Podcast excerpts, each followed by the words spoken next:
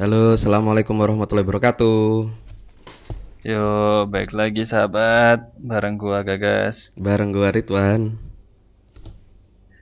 Oke, pagi ini lumayan padat di jalan sih. Macet ya. Anak-anak sekolah udah pada masuk sekolah kayaknya ya. Hari Senin, anak-anak udah masuk. Udah, itu kombinasi yang tepat itu untuk membuat kemacetan. Parah, parah. Oh, Pagi ini ada topik menarik nih sepertinya men yang bisa kita bahas. Gua habis baca berita seminggu ini ya. hmm, Gua lihat berita tuh isinya Gozali. ya. Ini menarik. Pada hype NFT, non fungible token. Hmm. Nah ini kayaknya fenomena yang tiba-tiba muncul ya, tiba-tiba hype gitu Ya. di Indonesia ya. Ya, gue juga baru ya bener sih emang hype di minggu-minggu ini. Sebelumnya sebenarnya eh ya NFC sih baru baru denger nggak baru denger sih udah agak lumayan bulan-bulan lalu lah. Awal mulanya justru malah aku taunya dari si Ridwan Kamil. Oh. Ridwan Kamil kan pernah pernah nge-share gitu kalau nggak salah video di Instagramnya gitu dia nawarin ke eh tuh pelukis-pelukis yang di Braga gitu loh. Heeh. Itu nawarin untuk masukin ke pasar M- NFT. Tapi waktu itu ya belum belum rame kan. Maksudnya apa sih pasar NFT ini? Karena dulu kalau nggak salah dengar-dengar itu mah cuman kayak semacam apa ya? marketplace untuk eh, yang jual art gitu loh. Makanya mungkin si Ridwan Kamil juga ngincernya para pelukis-pelukis yang di Braga gitu. Nah, yang bikin epic kan karena ini di Indonesia masih Gozali ini. Epicnya pertama karena memang ya dia nggak tahu siapa awalnya eh yang terjual adalah foto selfie yang ya mungkin kita bisa bilang selfie biasa gitu loh. Selfie pada umumnya gitu dan itu terjual dengan harga yang cukup fantastis gitu loh puluhan juta untuk selfie seperti itu yang gua salut sih konsistennya sih cuman nggak tahu kalau NFT ini dia eh apa ya tarik eh, ininya daya tariknya untuk si Gozali ini Sebenarnya kalau NFT itu kan teknologi mirip Bitcoin ya. Hmm, Jadi kepemilikannya itu tercatat gitu loh secara resmi.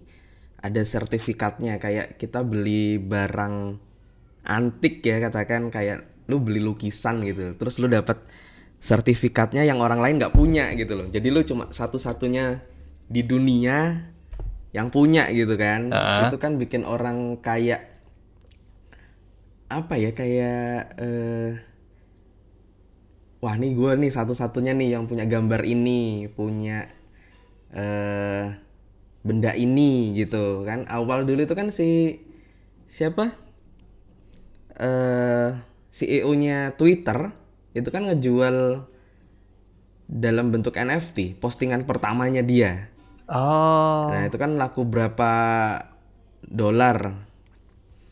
Nah, itu jadi kayak orang punya benda yang ada satu-satunya di dunia gitu loh kan. Kayaknya wah banget gitu. Nah, tapi si Gozal ini gue juga heran kenapa foto ya orang tertarik ya. Karena triggernya nih si Chef Arnold kan.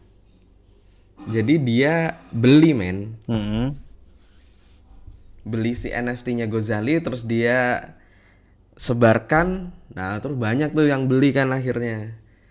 Gitu. Coba nggak dibeli sama public figure? Mungkin lain-lain cerita ya. Tapi bener sih emang konsistensinya dia lima tahun dulu emang kita bisa ya kayak gitu?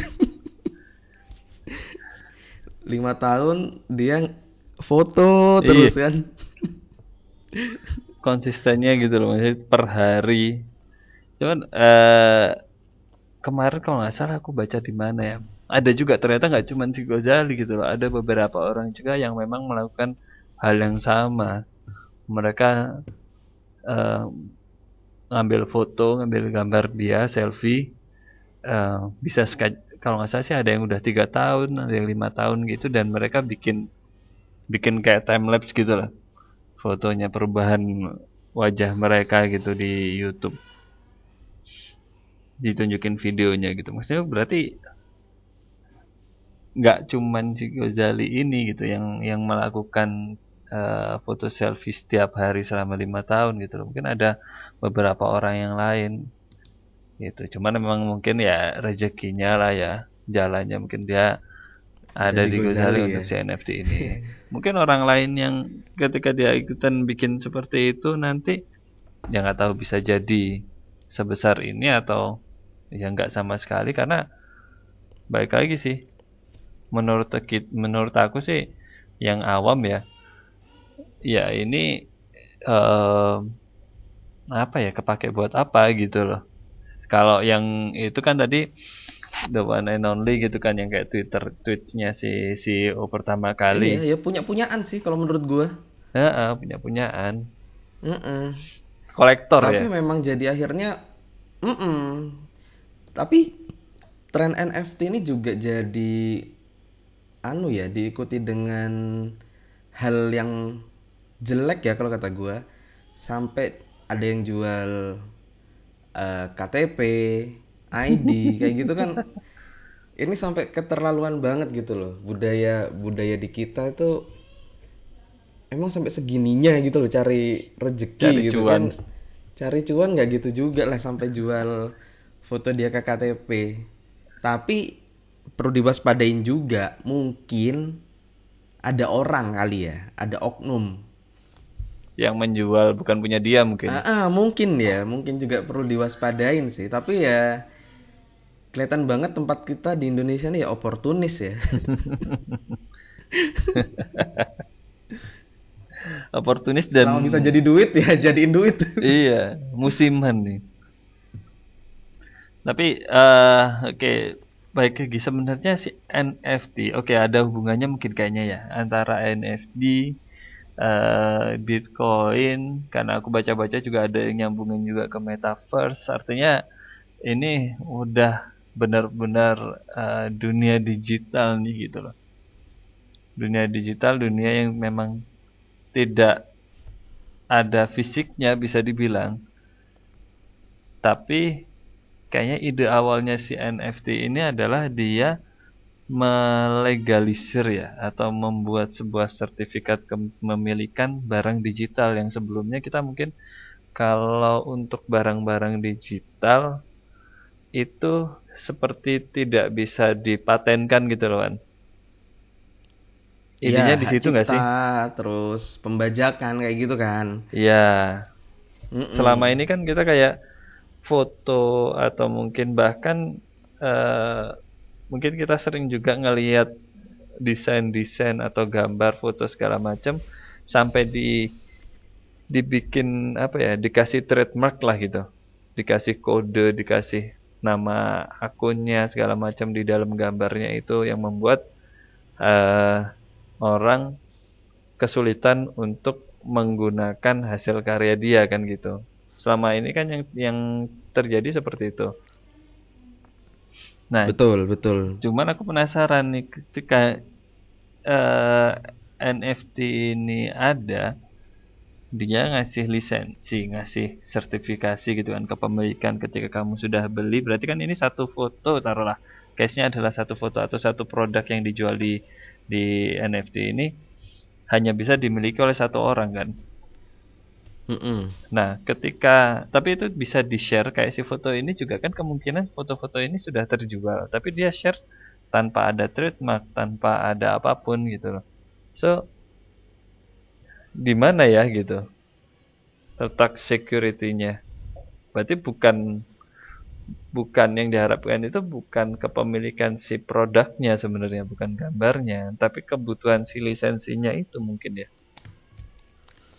Iya, lisensi, terus kemudian pengakuan. Jadi bisa dimonetize gitu kan selama ini seniman agak susah ya eh, memonetize karyanya gitu loh gue punya lukisan nih tapi siapa sih yang mau beli gitu loh? Kan dengan adanya NFT ini mungkin harapannya jadi lebih mudah gitu loh untuk menjual karena beda mungkin dari seniman lain gitu.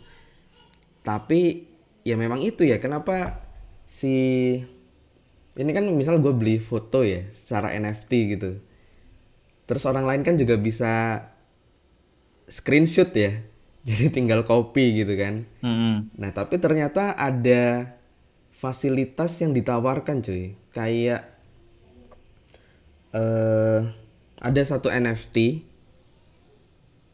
itu yang gambarnya monyet Mm-mm. nah itu lu ada komunitasnya ternyata Nah iya. jadi lu dapat fasilitas-fasilitas yang tidak dimilikin gitu ketika lu membeli NFT secara resmi atau yang eh, bajakannya gitu cuma screenshot gitu.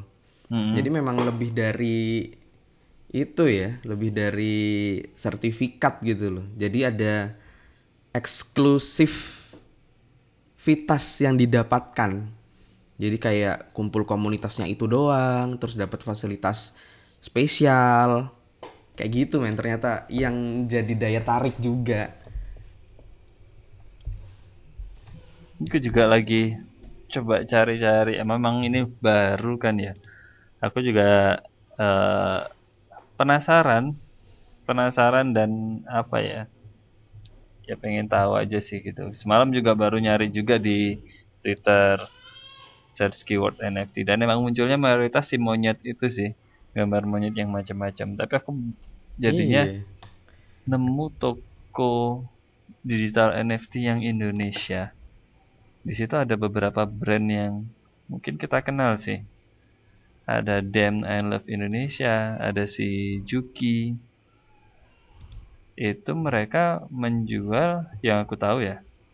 Dari dua brand yang aku tahu itu tak lihat di dalamnya itu dia menjual memang hasil karya mereka gitu loh. Gambar yang tidak ada ya memang benar tidak ada keywordnya. Eh tidak ada sorry. Tidak ada apa namanya watermarknya gitu loh. Iya, karena cuma bisa dicek di secara online. satu gambar 2 juta 3 juta. Si Juki.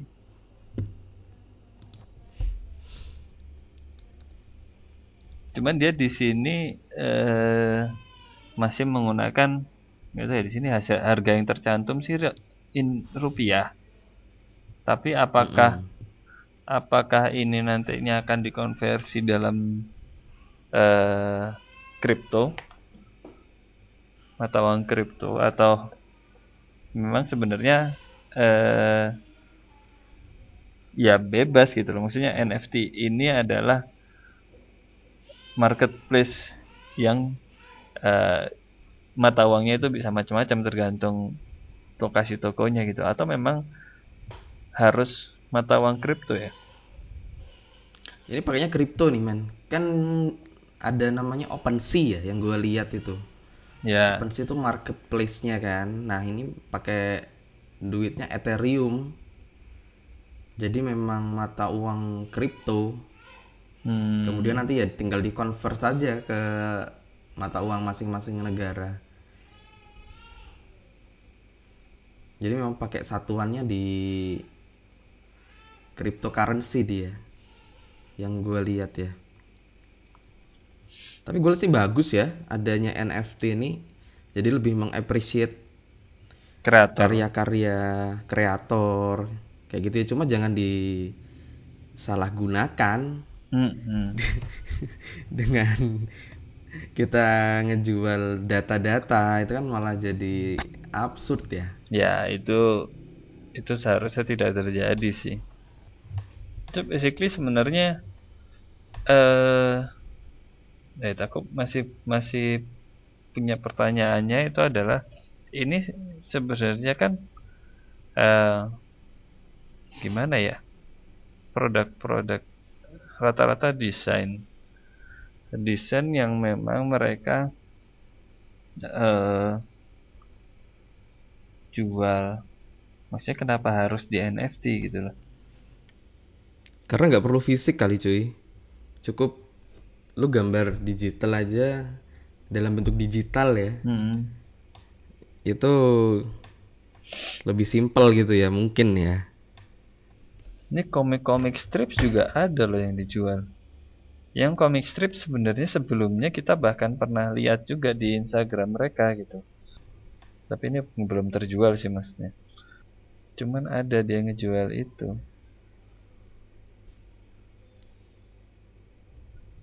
Mungkin kalau yang luar aku agak susah untuk nge-relate-nya gitu.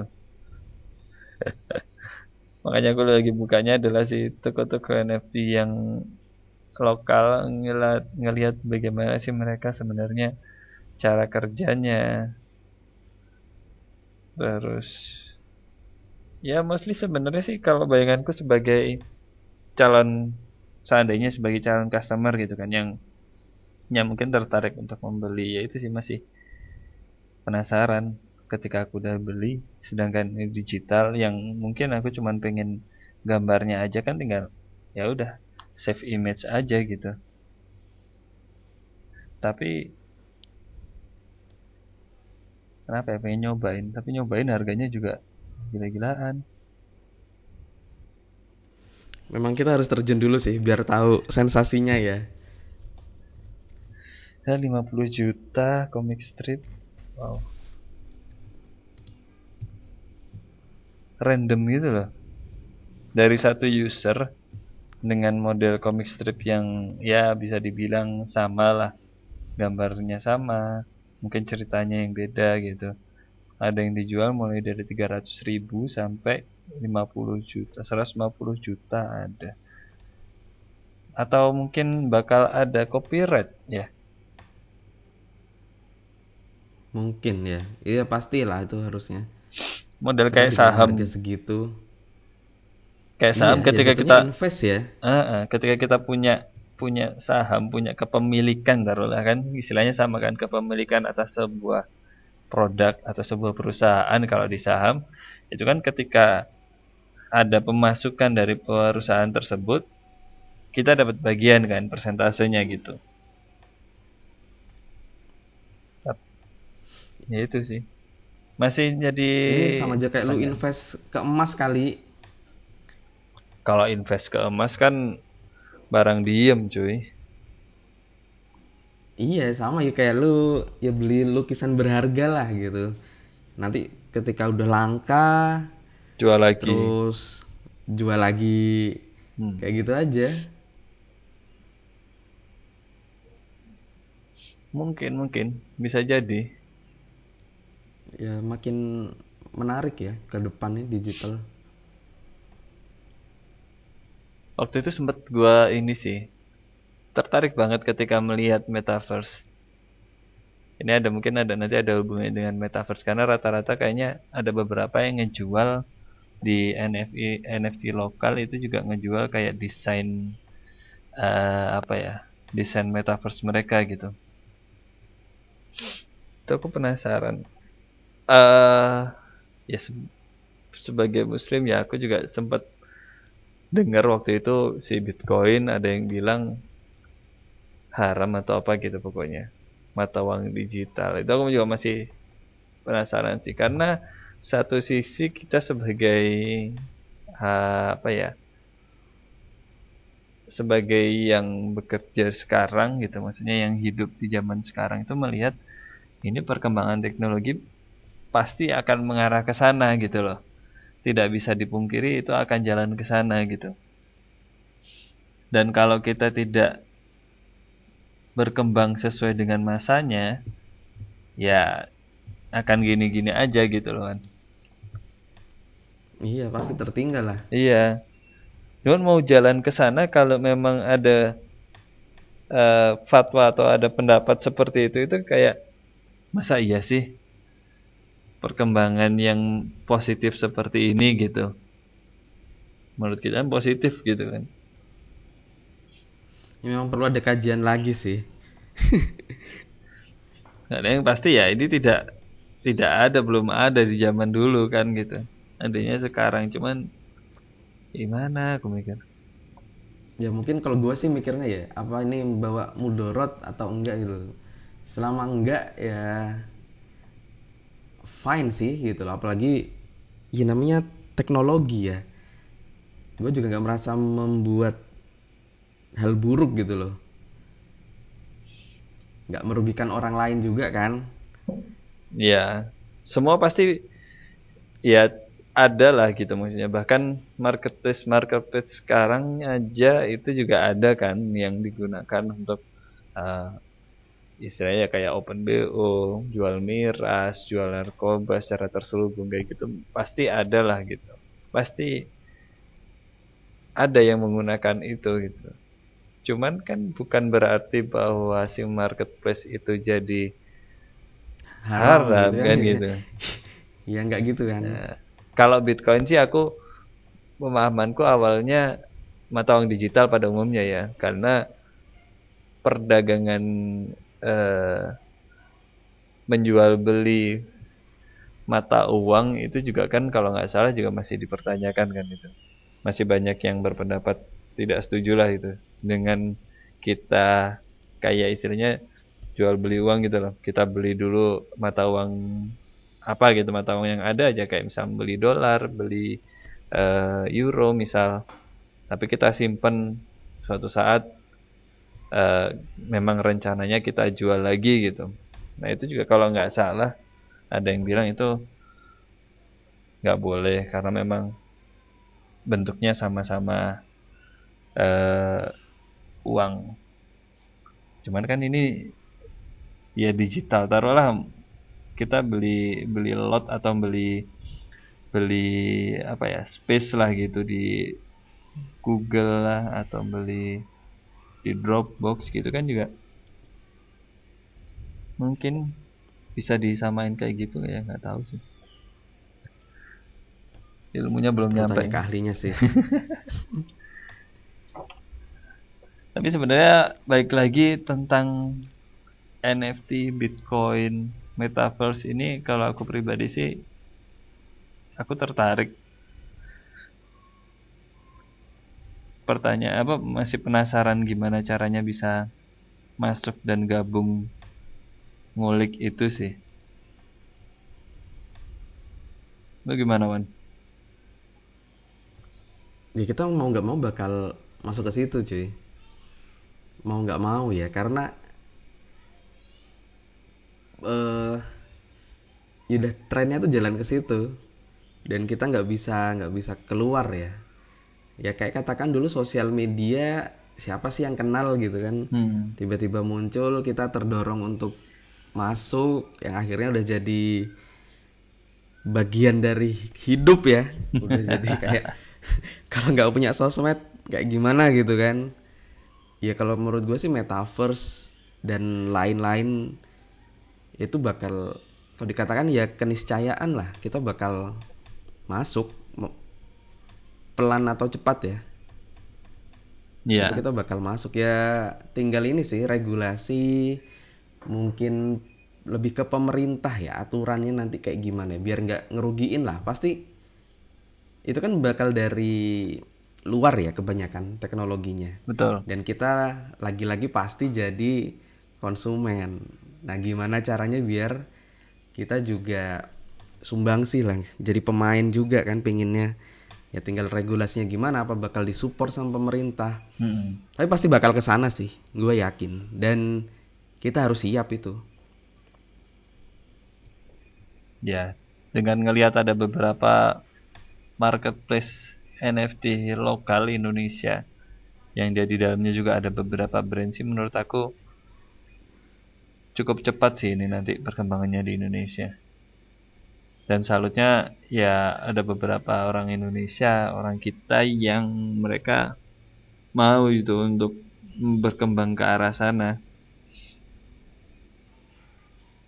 Itu sih. Let me see nantinya. Ya kita tunggu aja memang. Akan seperti apa. kita para bapak-bapak yang bertugas mencari cuan juga pasti harus lebih banyak memutar otak dengan makin banyaknya apa ya makin banyaknya ladang yang bisa digali Betul, memang kita harus dituntut lebih kreatif sih. ya Kalau nggak bakal tertinggal nih. betul Jadi kita tunggu hasilnya nanti seperti apa. sambil kita cari-cari lagi baca-baca lagi Hmm. Harus ini ya, menggunakan dengan bijak ya. betul Itu tetap nomor satu. oke Kalau ada komen-komen di Instagram, silahkan. Mungkin nanti bisa jadi masukan juga buat kita. ya atau mungkin ada yang sudah main NFT sudah Nah, punya pengalaman banget. Mungkin bisa cerita juga Iya. ya pengalamannya kayak gimana dengan NFT. Oke, kita sambung lain waktu. Di episode selanjutnya ya. Yap. Terima kasih Wan. Terima kasih.